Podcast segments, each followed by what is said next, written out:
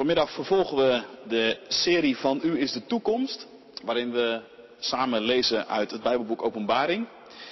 En het thema vanmiddag is de val van Babylon. Aan het einde van het Bijbelboek Openbaring gaat het een aantal hoofdstukken lang over de stad Babylon. En wat dat allemaal eh, betekent, ja, daarover ook straks meer. Drie lezingen vanmiddag. Uh, best lange lezingen ook. Uh, dus ik zou zeggen, gaat u er even voor zitten. Maar laat de beelden die Johannes ziet ook echt zo even bij je, bij je rondgaan. Uh, Willem is helemaal voorbereid om dat met ons, met ons te lezen. De eerste lezing uit Openbaring 14. De tweede uit Openbaring 17. En de derde uit Openbaring 18. Toen zag ik opnieuw een engel die hoog in de lucht vloog. Hij had een eeuwig evangelie dat hij bekend moest maken aan de mensen op aarde, uit alle landen en volken, van elke stam en taal. Luid riep hij, heb ontzag voor God en geef hem eer, want nu is de tijd gekomen dat hij zijn oordeel zal vellen. Aanbid hem die hemel en aarde, zee en waterbronnen geschapen heeft. Hij werd gevolgd door een tweede engel die uitriep, Gevallen, gevallen is Babylon, die grote stad die door haar ontucht alle volken de wijn van haar wellust heeft laten drinken. Openbaringen 17. Een van de zeven engelen met de offerschalen kwam op me af en zei, ik wil je laten zien hoe de grote hoer die aan talrijke waterstromen zit, veroordeeld wordt. De koningen op aarde hebben ontucht met haar gepleegd en de mensen die op aarde leven hebben zich bedronken aan de wijn van haar ontucht. Ik raakte in vervoering en hij nam me mee naar de woestijn. Ik zag een vrouw zitten op een scharlakenrood beest vol godslastelijke namen met zeven koppen en tien horens. Ze droeg purperen en scharlakenrode kleren en gouden sieraden, edelstenen en parels. In haar hand had ze een gouden beker vol gruwelijkheden, al haar liederlijke wandaden. En op haar voorhoofd stond een naam met een geheime betekenis. Het grote Babylon, moeder van alle hoeren en van alle gruwelijkheden ter wereld. Ik zag dat de vrouw dronken was van het bloed van de heiligen en het bloed van hen die van Jezus hadden getuigd. Ik was ontzet toen ik haar zag. Toen zei de engel, waarom ben je zo ontzet? Ik zal je de betekenis onthullen van die vrouw en het beest waarop ze zit, met zijn zeven koppen en tien horens. Het beest dat je zag was en is niet. Het stijgt binnenkort op uit de onderaardse diepten en zal vernietigd worden.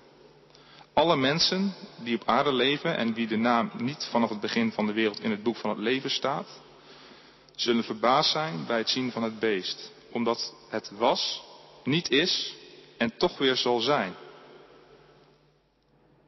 Hier komt het aan op wijsheid en inzicht.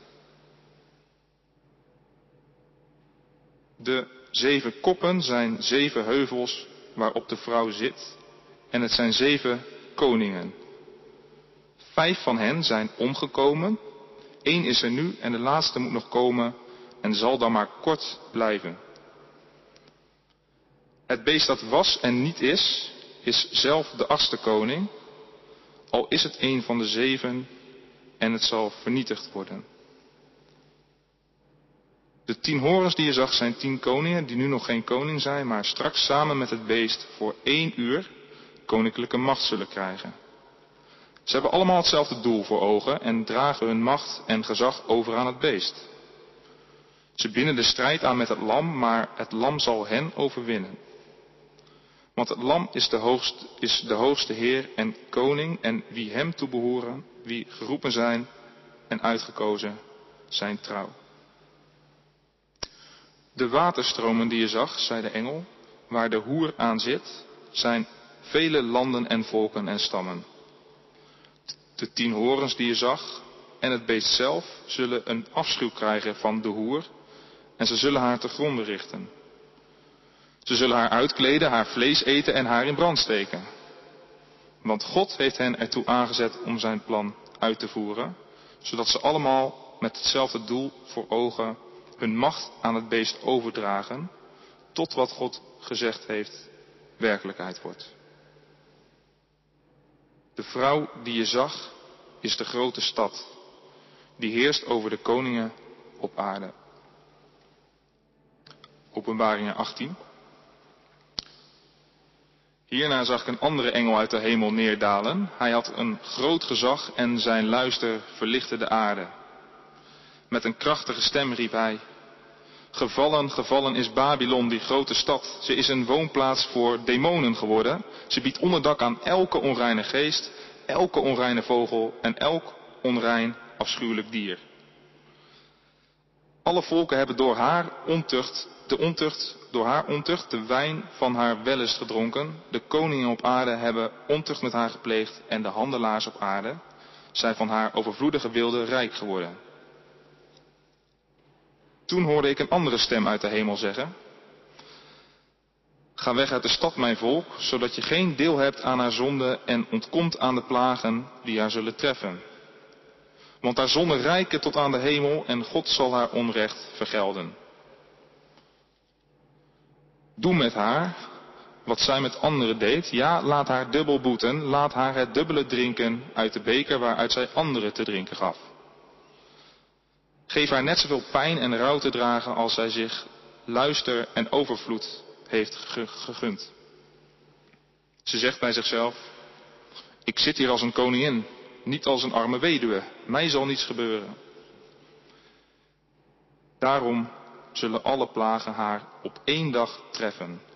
Dodelijke ziekte, rouw en hongersnood, en ze zal in vlammen opgaan. Want God de Heer, die dat vonnis heeft geveld, is machtig. De koningen op aarde, die ontucht met haar hebben gepleegd en in wilde hebben geleefd, zullen om haar jammeren en treuren als ze de rook boven haar zien opstijgen. Ze blijven op afstand, ontzet door de straf die ze krijgt en zeggen, wee, wee Babylon, grote sterke stad, in één uur tijd is je vonnis voltrokken.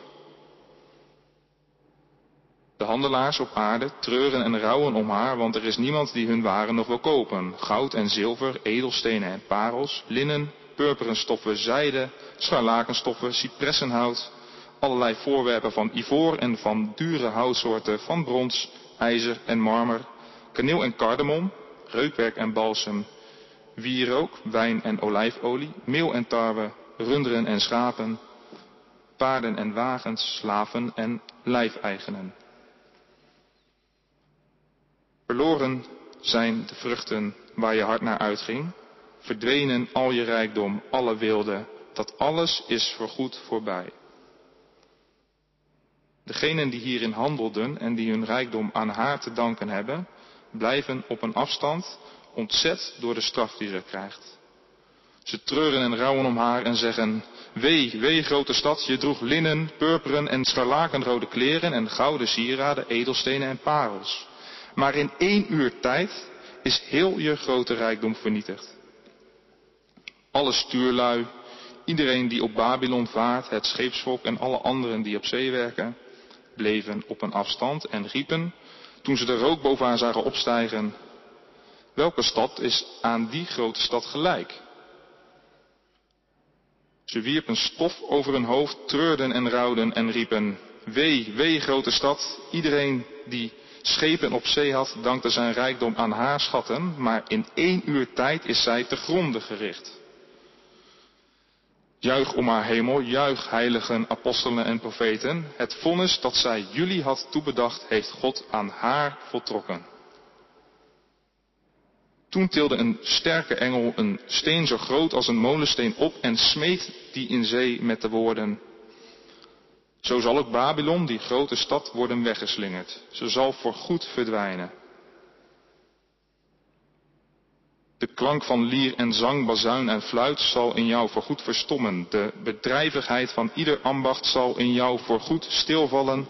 Het geluid van de molen zal nooit meer in je klinken. Het licht van de lamp nooit meer in je schijnen. Het feestgedruis rond bruid en bruidegom zal in jou nooit meer te horen zijn. Eens waren je handelaars de groten der aarde, alle volken bezweken voor je verleidende toverij. Maar ook vloeide in deze stad het bloed van profeten en heiligen, van al degenen die op aarde werden geslacht. Gemeente van Christus. Wonen in de stad. Hoe is dat voor je?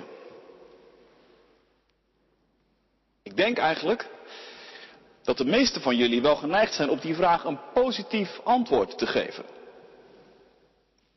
Misschien ben je student, woon je hier nog niet zo heel lang en geniet je eigenlijk elke dag met volle teugen van wat Utrecht je te bieden heeft. Je houdt van de grachten, van de gebouwen, van de sfeer, van de terrasjes.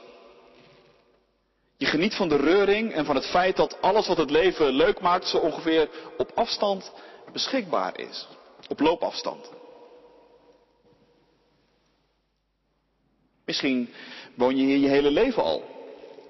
Ben je in Utrecht geboren of al jong hier naartoe verhuisd voor studie of werk? Heb je een carrière op kunnen bouwen, een aardig huis kunnen kopen, vrienden en kennissen kunnen maken? Ben je actief in het maatschappelijke leven en in de kerk? En kun je je een leven buiten de stad eigenlijk amper voorstellen? Oké, misschien dat je nog niet zo ver gaat als de Engelse dichter Samuel Johnson, die over Londen zei, Who is tired of London is tired of life. Wie moe is van Londen, die is levensmoe. Maar dat Utrecht jouw stadsie is, dat is toch wel een ding dat zeker is. Nou, in dat geval kan ik me voorstellen dat de hoofdstukken die wij vanmiddag lezen je toch wel een beetje aan het hart gaan. Want heel eerlijk, de stad komt er in openbaring 17 en 18 bepaald niet best van af. En om meteen maar heel eerlijk te zijn, dat geldt niet alleen maar voor de laatste hoofdstukken van openbaring. Eigenlijk is door de hele Bijbel heen de stad een hele ingewikkelde, ambivalente, dubbelzinnige plek. Waarbij de balans eigenlijk vrijwel altijd negatief uitvalt. De naam van de stad die in deze hoofdstukken valt, Babel of Babylon, die kennen we al van veel eerder uit de Bijbel. Meteen al aan het begin, in Genesis, wordt verteld over mensen die een toren willen gaan bouwen. De toren van Babel. Je kent het verhaal vast.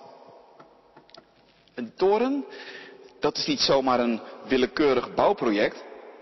Nee, die toren is het product van een verlangen. Van een manier van leven zou je kunnen zeggen.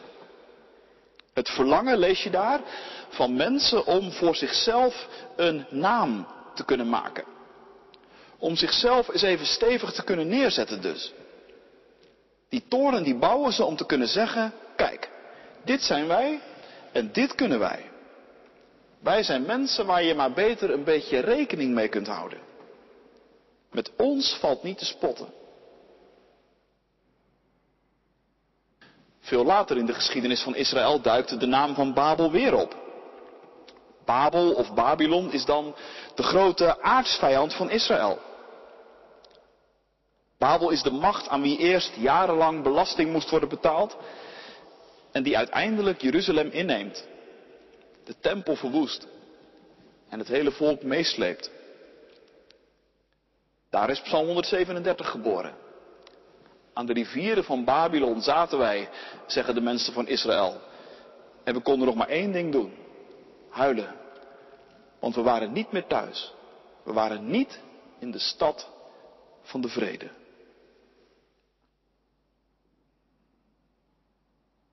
Babel heeft dus in de Bijbel een hele negatieve bijklank. En dat gaat verder dan die ene concrete toren. Of die enkele stad die zo heet. Babel is, zou je ook kunnen zeggen, een, een, soort naam. Een naam die symbool staat voor eigenlijk alles wat de Heere God niet wil zien in zijn schepping. Babel staat voor macht en trots. Voor arrogantie en voor onderdrukking. Babel staat ook voor spraakverwarring. Voor langs elkaar heen leven zonder elkaar echt te kennen. Babel staat voor heel veel praten, maar weinig zeggen. De profeten zijn daarom ook vaak negatief, ronduit negatief over de stad. Of die nou Babel heet of Tyrus, Nineveh of Damascus, Samaria of Jeruzalem. Ja, want zelfs Jeruzalem kan er bij de profeten ongenadig van langs krijgen. Als ook die stad zich gaat gedragen alsof ze Babel is.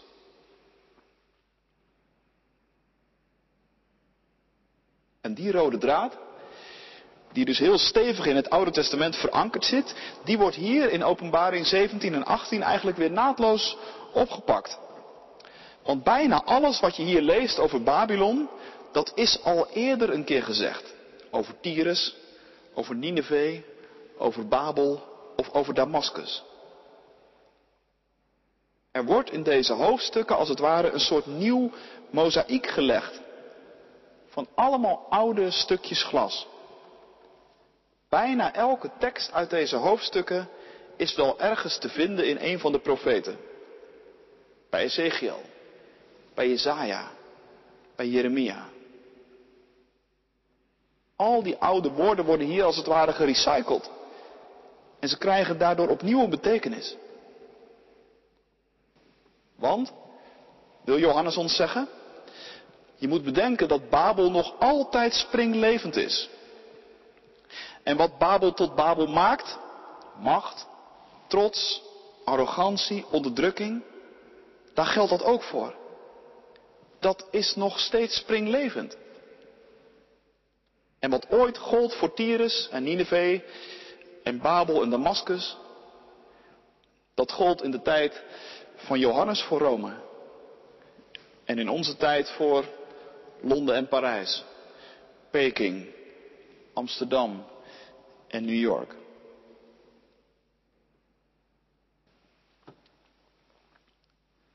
Misschien dat je denkt, oké, als het er nou zo voor staat met de stad, moet ik dan maar zo snel mogelijk weer naar een dorp verhuizen? Nou, dat zou nou bepaald toch een beetje een naïeve gedachte zijn. Want je moet bedenken, het is niet de bedoeling van de profeten om op een beetje een, simplistische manier het dorp tegenover de stad te zetten. De verschrikkelijke stad tegenover het idyllische dorp. Nee, dat helemaal niet. Als de profeten zeggen dat Gods oordeel over de stad gaat, dan bedoelen ze dat Gods oordeel gaat over een bepaalde manier van leven. Babylon, dat is in de Bijbel in de eerste plaats een way of life, zou je kunnen zeggen. Maar dat voor die way of life nou net de stad wordt gebruikt als beeld en Babylon als de codenaam, dat is natuurlijk ook weer niet voor niks.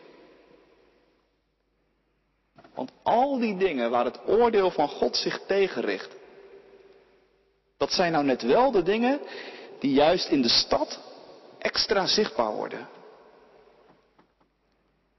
De stad is, zou je kunnen zeggen, een vergrootglas.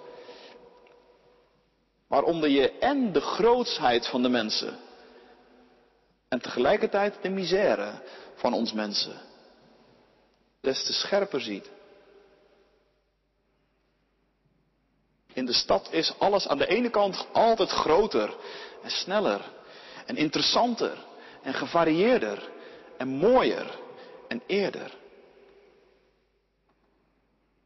Maar in de stad is ook alles chaotischer, pijnlijker, schrijnender, eentoniger, lelijker, viezer.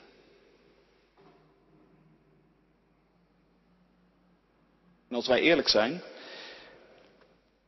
en niet de andere kant op kijken, dan kan het niet anders. Of je voelt over de stad dezelfde pijn als de profeten. Want terwijl jij met je vrienden op een terrasje zit, staat een ander naast je te bedelen. terwijl wij ons bed instappen, maakt vanavond een ander zijn plekje onder de brug in orde.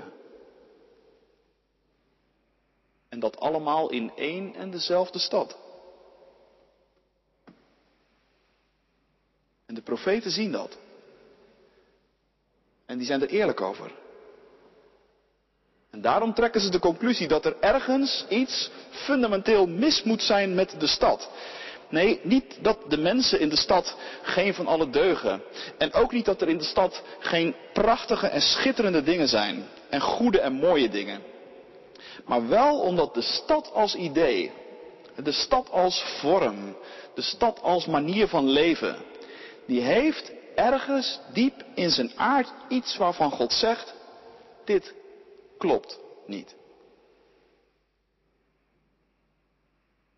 Nu, zo wordt er dus in de Bijbel profetisch naar de stad gekeken. En hier in de laatste hoofdstukken van de Bijbel bereikt die dynamiek als het ware zijn hoogtepunt. Johannes, Johannes hij krijgt een visioen te zien waarin hij een vrouw ziet. Een vrouw, ze zit bovenop een rood beest met zeven koppen en tien horens. En dat beest, dat kennen we inmiddels. Dat is het beest uit hoofdstuk 13. Het beest dat stond voor macht en voor invloed en voor verleiding. En voor alles wat tegen God en tegen Jezus was. En in de beelden die Johannes ziet straalt de vrouw rijkdom uit. En macht en zelfverzekerdheid. Haar kleding is gemaakt van het duurste van het duurste. En aan zelfvertrouwen ontbreekt het bepaald niet. Ik zit hier als een koningin, zegt ze, halverwege hoofdstuk 18. Ik ben geen weduwe. Ik weet niet wat rouw is. En op haar voorhoofd ziet Johannes een soort band zitten. Een soort diadeem. En op die band een naam. Mysterie staat erop, geheim. Het grote Babylon, moeder van alle hoeren en gruwelen van de aarde. Johannes is geschokt. Hij begrijpt het niet. Wat wil dit visioen zeggen? Maar de engel die het hem allemaal laat zien, legt het uit. De vrouw, zegt hij, wordt gedragen door het beest. Het beest vol horens en koppen. En die horens en die koppen, die staan voor allemaal machthebbers, koningen van toen en van nu en van straks. En die zeven koppen, dat zijn ook nog een keer zeven heuvels waar de vrouw op zit. En als je de beelden een beetje op je laat inwerken, dan merk je dat die vrouw en die horens en die koppen als het ware één grote kluwen van agressie vormen. Het ene moment lijkt het alsof ze met elkaar onder één hoedje spelen en één groot machtsblok vormen. Andere moment blijken de vrienden van gisteren de vijanden van vandaag te zijn. En lijkt die hele grote kluwe meer op een oorlog van allen tegen allen.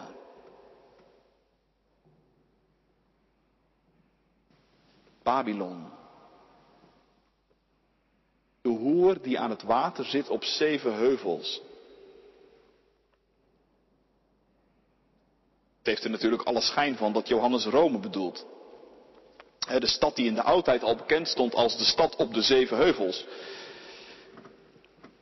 Maar je moet niet denken dat hij die naam Babylon gebruikt als een soort al te doorzichtige cryptogram. Want zoals zo vaak in de openbaring geldt het ook hier. Alle namen en alle beelden en alle getallen, die wijzen boven zichzelf uit. Door Rome hier Babylon te noemen, worden al die oude verhalen van de profeten over de stad weer opnieuw wakker. En wil Johannes tegen ons zeggen, voel je de rode draad? De continuïteit? Toen was het Babel. Vandaag is het Rome. En morgen is het jouw stad, waarover precies dezelfde dingen te zeggen zijn. Babylon, verbeeld als een hoer, symbool van verleiding. Dat heeft de stad dus in zich. Iets aantrekkelijks. Iets mysterieus en iets betoverends. Je bezwijkt ervoor voor je het door hebt. Babylon, de hoer. Ook altijd een symbool van ontrouw in de Bijbel. Ook dat heeft de stad dus in zich. Behalve aantrekkelijk en betoverend, is de stad ook de plek die je heel makkelijk op het verkeerde been zet.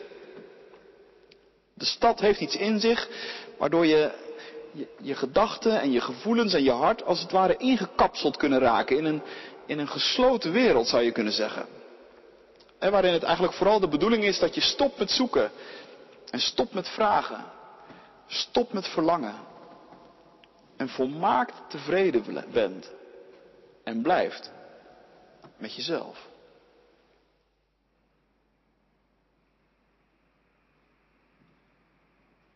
Maar ondanks dat alles is het visioen heel duidelijk. Er komt een moment en dan valt het doek voor Babylon. Er komt een moment en dan is het voor de stad, voor de way of life die met de stad samenhangt, over en uit. En misschien ben je net als ik vooral geneigd om deze teksten te focussen op al die beelden die zo ingewikkeld over elkaar heen buitelen. Het een nog grotesker dan het andere. Maar dit is eigenlijk minstens zo fascinerend. Dat midden in die enorme rollercoaster aan beelden ineens zomaar dit gezegd wordt. Het grote Babylon is gevallen. Een groter contrast tussen dat ene simpele zinnetje en de rest van deze enorme hoofdstukken is amper denkbaar. Babylon is gevallen. Let op, hoe Babylon zal vallen wordt ons helemaal niet verteld. Blijkbaar gaat ons dat niet aan. Het wordt simpelweg meegedeeld. En dan ook nog op zo'n manier alsof het al gebeurd is. Terwijl Babylon nog springlevend is, geven deze woorden als het ware een soort profetisch vergezicht. Babylon zal vallen. En dat is vanuit de ogen van God zo duidelijk dat hier al gezegd kan worden, Babylon is gevallen. Waarom? Omdat het hele idee niet deugt. Dat wat Babylon tot Babylon maakt, dat wat de stad tot stad maakt, dat heeft uiteindelijk in de ogen van God geen toekomst. En het kan nog best heel even duren voordat je dat daadwerkelijk ziet gebeuren. Maar dat neemt niet weg dat het oordeel nu al geveld wordt door de profeet. Babylon zal vallen.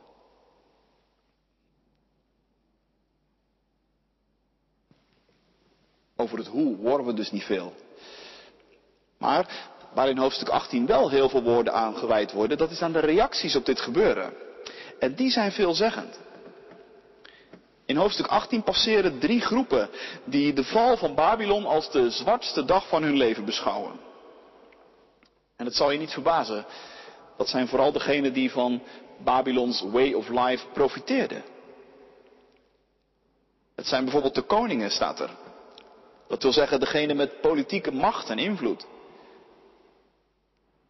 Die kijken met verbazing naar wat er gebeurt en ze vragen zich verbijsterd af hoe het toch kan. Een stad die zo machtig en sterk is en dan toch valt. En diezelfde vraag, die stellen ook de kooplieden. Dat wil zeggen, die, degene die economisch profiteerden van Babylon. Want van de meest luxe tot de meest basale producten, je kon het zo gek niet bedenken of er is wel een markt voor. Die kooplieden die sommen het hele rijtje nog eens even op. Het gaat van parels tot ivoor, van, en ivoor tot meel en tarwe. En bij al die producten kun je je afvragen wie is er niet rijk van geworden.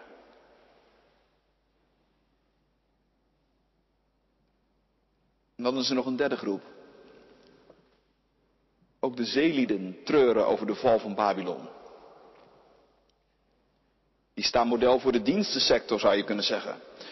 Want zo gaat dat. Rondom een centrum van macht en handel bestaat altijd een heel web van diensten. transport, horeca, cultuur, eh, communicatie, alles wat ermee samenhangt. Daar staan die, daar staan die zeelieden voor. En vanaf een letterlijk veilige afstand kijken ze toe hoe het afloopt met Babylon. En ook zij beginnen een, een requiem te zingen. Wee, wee voor de grote stad. Want binnen een uur is het met haar gedaan.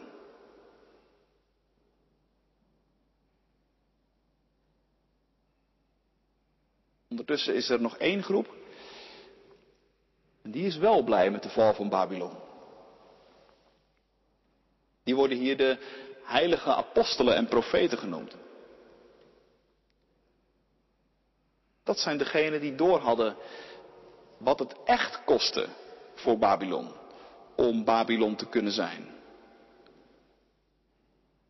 Dat zijn degenen die niet alleen maar de zonkant zagen, maar ook de schaduwkant. En misschien niet alleen maar zagen, maar ook ervoeren. De heilige apostelen en profeten, dat zijn degenen die zich niet hebben laten betoveren door alle bling bling. En die dat niet zelden ook met de dood moesten bekopen. Johannes heeft misschien in de eerste plaats gedacht aan de martelaren. Aan degenen die in zijn tijd als de tuinfakkels dienden bij de feesten van, koning, van keizer Nero. Of aan mensen zoals hij zelf, die misschien niet meteen het leven lieten, maar wel verbannen werden. Of die het op een andere manier heel moeilijk gemaakt werd.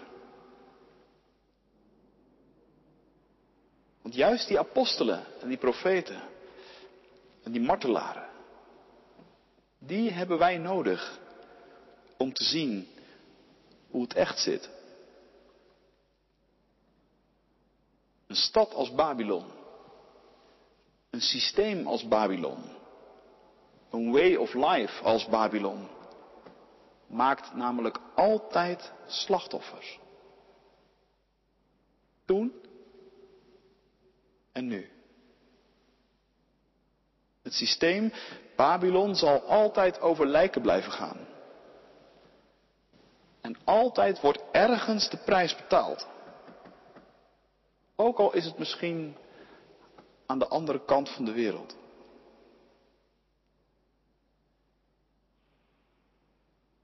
Als je aan de goede kant van de streep leeft, om het even zo te zeggen, heb je dat lang niet altijd zo door.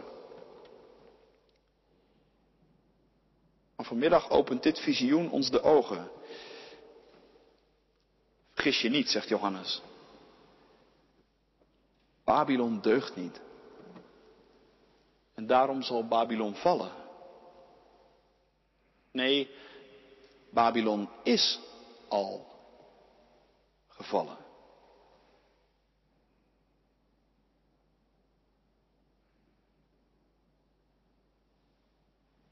Tot slot. Wonen in de stad. Hoe is dat voor jou? Ik zei aan het begin, ik denk dat de meesten van jullie geneigd zijn op die vraag een positief antwoord te geven. Ikzelf eigenlijk ook. En nu dacht ik, zou dat antwoord na deze preek ineens heel anders moeten gaan uitvallen? Nou, dat ligt eraan.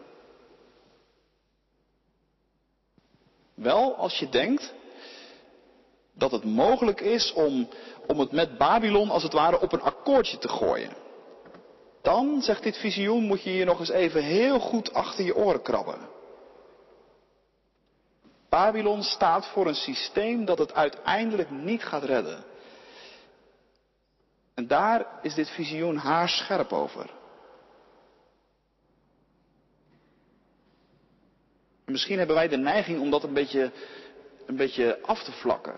Ik wel eigenlijk. Als ik dit soort schrille visioenen lees, dan denk je, nou kom, kunnen we niet een beetje bijveilen hier zo, daar, wat scherpe kantjes eraf? Nee, dacht ik, nee. Waarom niet?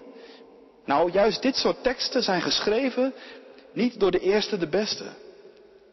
Dit soort teksten zijn geschreven door mensen die weten wat het is om een slachtoffer te zijn van een systeem als dat van Babylon. En daarom geven die teksten ons te denken. En moeten wij ze heel serieus nemen. Babylon, de aardse stad, en Jeruzalem, de hemelse stad, die verdragen elkaar niet. En ze zullen dat ook niet doen. Nu niet. En nooit niet. Omdat de fundamenten waarop die twee steden gebouwd zijn, recht tegenover elkaar staan. Augustinus, in zijn enorme boek De Stad van God, waarin hij deze beeldspraak over de twee steden als het ware helemaal uitwerkt, die zegt het zo. Hij zegt die twee steden, die staan eigenlijk voor twee liefdes. De ene stad staat voor een liefde die God aan de kant heeft geschoven. En een liefde die eigenlijk alleen maar naar zichzelf toegebogen is. Dat is Babylon. De andere stad staat voor een liefde die gericht is op God. Een liefde die niet gericht is op zichzelf, maar op Hem. Dat is Jeruzalem.